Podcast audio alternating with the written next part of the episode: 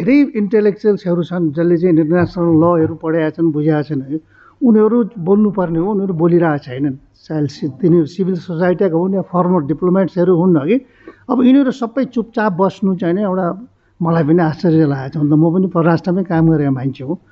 त मलाई पनि यो यसमा एमसिसीमा बोल्नु जरुरी खासै त थिएन। तर के भने एउटा सही नियतले आएको एउटा यो प्रोजेक्टमा यस किसिमको गलत फहमी भएको देख्दाखेरि म पनि यसमा चाहिँ नि बोले बोल्न लागेको हुँ।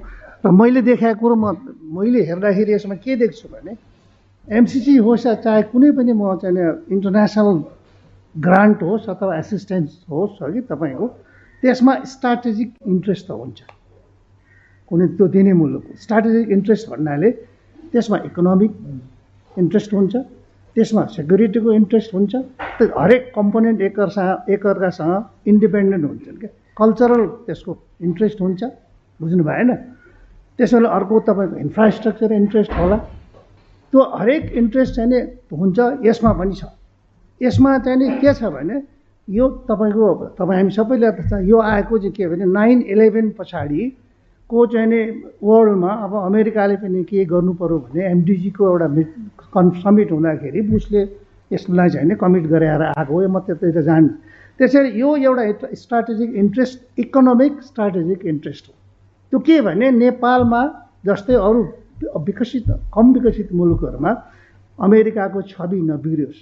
अमेरिका एउटा चाहिँ एउटा साँच्चै एउटा सबै अल्प विकसित कम विकसित मुलुकहरूलाई सहयोग गर्न तयार छ गर्छ भन्ने एउटा एउटा राम्रो फेभरेबल इम्प्रेसन आओस् भन्ने हिसाबले उसले दिएको एउटा प्रोजेक्ट हो।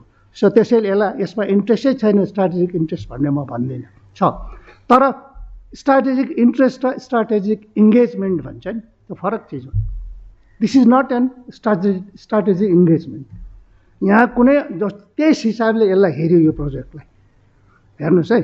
यजिफ कि यहाँ चाहिँ नि अमेरिकाले यो एमसिसी मार्फत America is going to eventually engage in strategical way भन्ने आयो जो होइन। उसको इन्ट्रेस्ट स्ट्राटेजी भन्यो खालि इकोनोमिक चाहिँ इन्ट्रेस्ट मात्रै हो। त्यति नै मात्रै भएकोमा यो त्यसलाई हामीले यसलाई यसरी बुझाउनु पर्थ्यो। अब तपाईँले भन्यो अब धेरै लेट भइसक्यो अब बुझ्ने मान्छेहरू स्ट्राटेजिक इन्गेजमेन्ट भने के हो भनेर बुझ्ने मान्छेहरू बोल्दैनन्।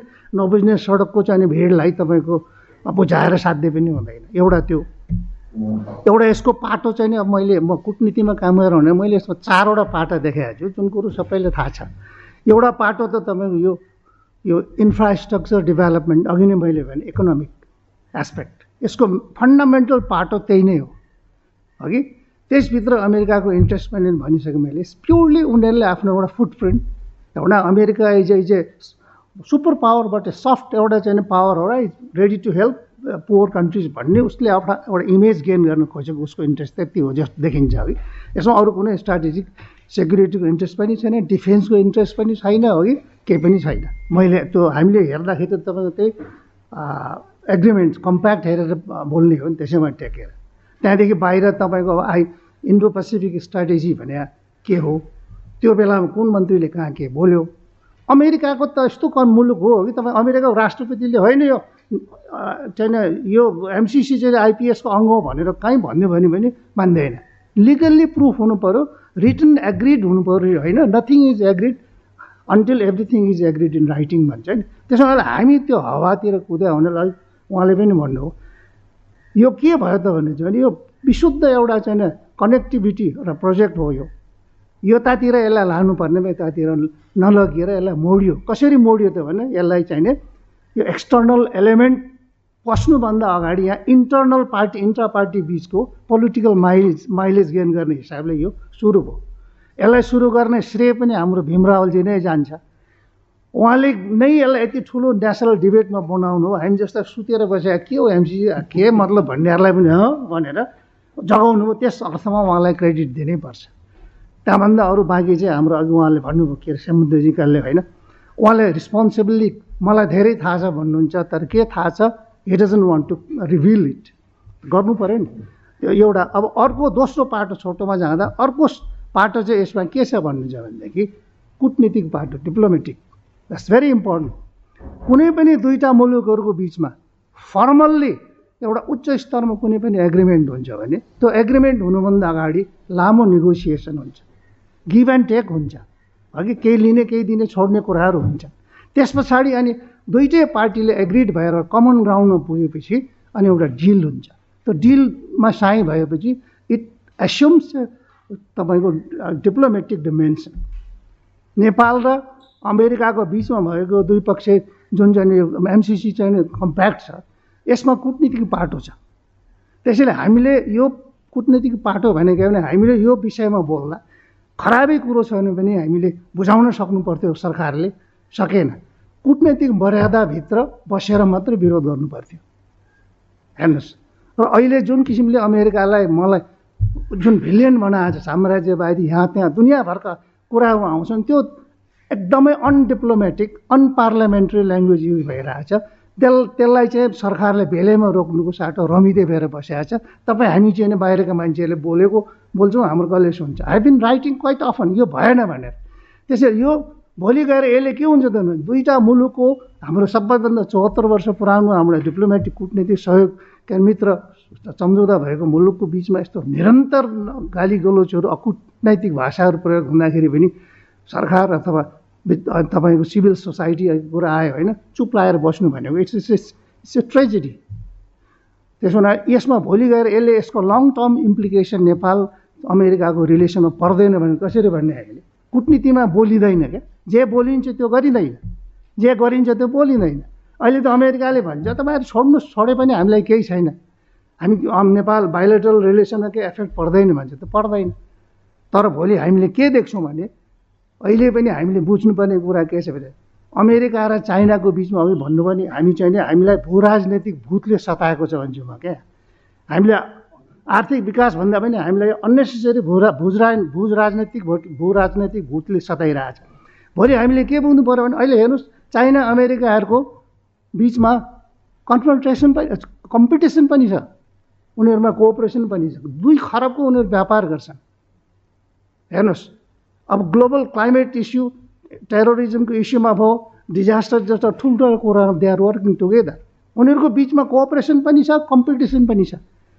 हाम्रो जस्तो चाहिँ यसरी हामीले चाहिँ नि अहिले जुन चाहिँ मानिलियो कि भोलि अमेरिका यहाँ पस्यो भने भोलि नेपाल चाहिँ नि अब चिन र अमेरिकाको एउटा चाहिँ नि प्ले के भन्छ थिएटर वा हुन्छ वार अफ थिएटर हुन्छ भन्ने जुन हामीले स्पेक्टर एउटा भूत देखाइरहेछौँ त्यो चाहिँ नि तपाईँको अनावश्यक आएको कुरो हो। चाहिँ होइन? यसमा चाहिँ तपाईँ अघि भनिसक्यो म अब त्यो नज एक्सटर्नल फ्याक्टरले प्ले गरिरहेछ अघि। डक्टर साहबले भन्नु यति ठुल्ठुलो जुलुसहरू कहाँबाट आइरहेछ मान्छेहरू? जसले एमसिसी भने बुझिया छैन। एमसिसी र एमसिए कम्प्याक्ट नै नबुझ्ने मान्छे छन्। म अस्ति एउटा इन्टरभ्यूमा गएको थिएँ। त्यहीँ नै एमसिसी निलुल्ल ओकल्नु भने मैले एमसिसी भने होइन। एमसिसी कसरी निलुल्ल ओकल्नु हुन्छ? एमसिसी त इट्स इट्स इन वासिङटन। त्यो त अमेरिकनहरूको एन्टिटी हो हाम्रो होइन। हाम्रो त एमसिसी कम्प्याक्ट नेपाल भन्नु पऱ्यो अथवा कहीँ भन्नु पऱ्यो यो त रङ मेसेज जान्छ भन्यो। अब यस्ता पत्रकार मान्छे जसले इन्टरभ्यूमा बोलायो मैले भने मलाई पछि उसले त्यो छोड्न मानेन। पछि मैले लास्टमा बेला भने मैले तपाईँलाई एमसिसी नेपाल कम्प्याक्ट बारेमा केही पनि थाहा रहन्छ। तपाईँले मैले भन्दा भन्दा यो तपाईँलाई हटाउनु भएन। मैले यो भन्नै पर्छ अहिले किनभने भोलि नत्र भने यो कसैले हेर्दाखेरि यो मान्छे निकै जान्ने हो भन्छ एमसिसी र एमसिसी एमसिसी कम्प्याक्ट नेपाल बारे पनि यसलाई थाहा रहन्छ भन्छ। त्यस हुनाले यो होइन गलत हो तपाईँले लेखाए मैले भने। भनेपछि यस्तो किसिमको भ्रममा मान्छेहरू कुदिरहेछन् भने तलका लेम्यानहरूको त कुरै छाडिदिनुहोस्। त्यसमा डिप्लोमेटिक इम्प्लिकेसन छ। यसबारेमा हाम्रो चाहिँ इन्स्टिच्युट अफ फरेन एफेयर्स छ होइन आइएफए छ। इभन भूतपूर्व राजदूतहरू छन् अमेरिकामा राजदूतबाट फर्काएहरू छन्। अहिले अमेरिकाकै राजदूत हुनुभयो हाम्रो त्यो के खत्रीजी स्ट्राटेजिक चाहिँ एक्स किन बोल्नु न उहाँहरू? अब त्यो भयो अब अर्को इन्टरनेसनल यो चाहिँ नि यो सिक्स पोइन्ट फोर सायद उहाँले मलाई उहाँ तपाईँलाई मेरो यो प्रश्न पनि हो।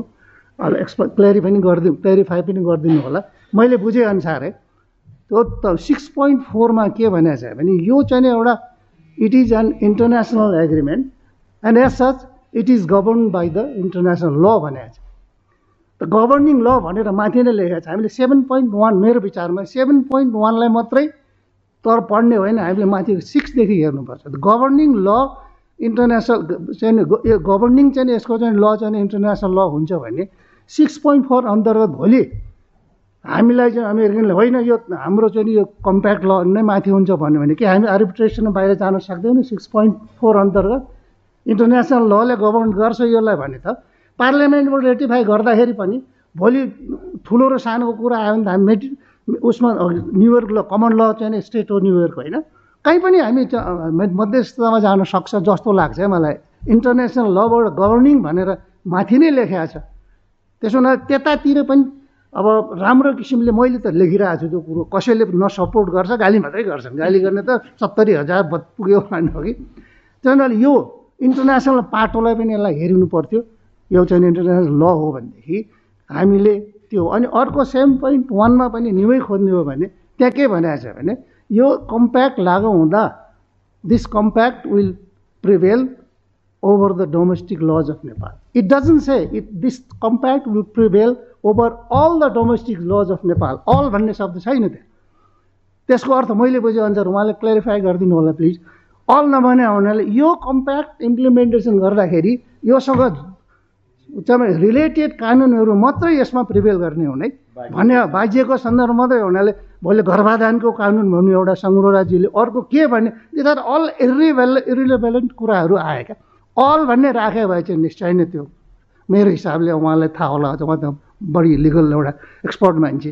त छैन मलाई लाग्छ त्यो जानी जानी उनीहरूले एभोइड गरे त्यसले एभ्रिथिङ इज क्लियर कम्प्याक्ट पढ्ने बित्तिकै अरू कहीँ जानै पर्दैन। त्यही हाम्रो कम्प्याक्ट नेपाल पढ्दाखेरि अब अर्को धेरै कुराहरू आयो त्यस त्यो भयो इन्टरनेसनल लको अन्तिममा अब जियो पोलिटिकलको कुरो त मैले अघि गरिसकेँ। अब अघि पनि कुरो आयो।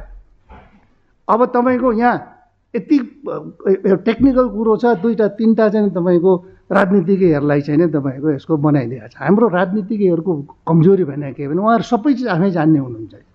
न पढ्नुहुन्छ। फुट्टो केही पढ्नु छैन हो कि जिरो छ पढाइ अध्ययन गर्नु छैन। केही गर्नु होला केही गर्ने व्यक्तिहरू हुनु होला। अनि अब भोलि जननाथजीले अथवा अर्को उहाँ के दिने उहाँले पहिल्यै रिपोर्ट दिइसकेका छ त्यो अघि उहाँले हाम्रो अरुणजीले भने जस्तै यो गरे के हो भन्ने कुरो नै कन्ट्राडिक्टरी भयो।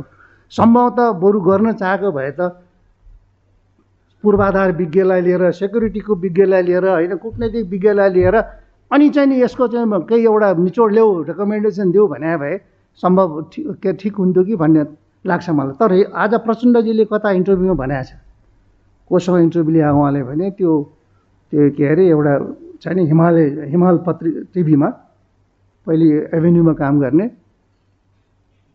बानियाजीलाई उहाँले चाहिँ हामी अब यो मेरो हाम्रो यो अधिवेशन सकेपछि हामी चाहिँ यो एक्सपर्टहरू अलिकति केही सिभिल सोसाइटीका एक्सपर्ट अनि यो लिगल एक्सपर्टहरू र यो चाहिँ तपाईँको पूर्वाधारको एक्सपर्ट्सहरूको पनि राय लिएर विल चाहिँ एउटा कुनै एराइभेटेड कन्क्लुजन भनेको छ।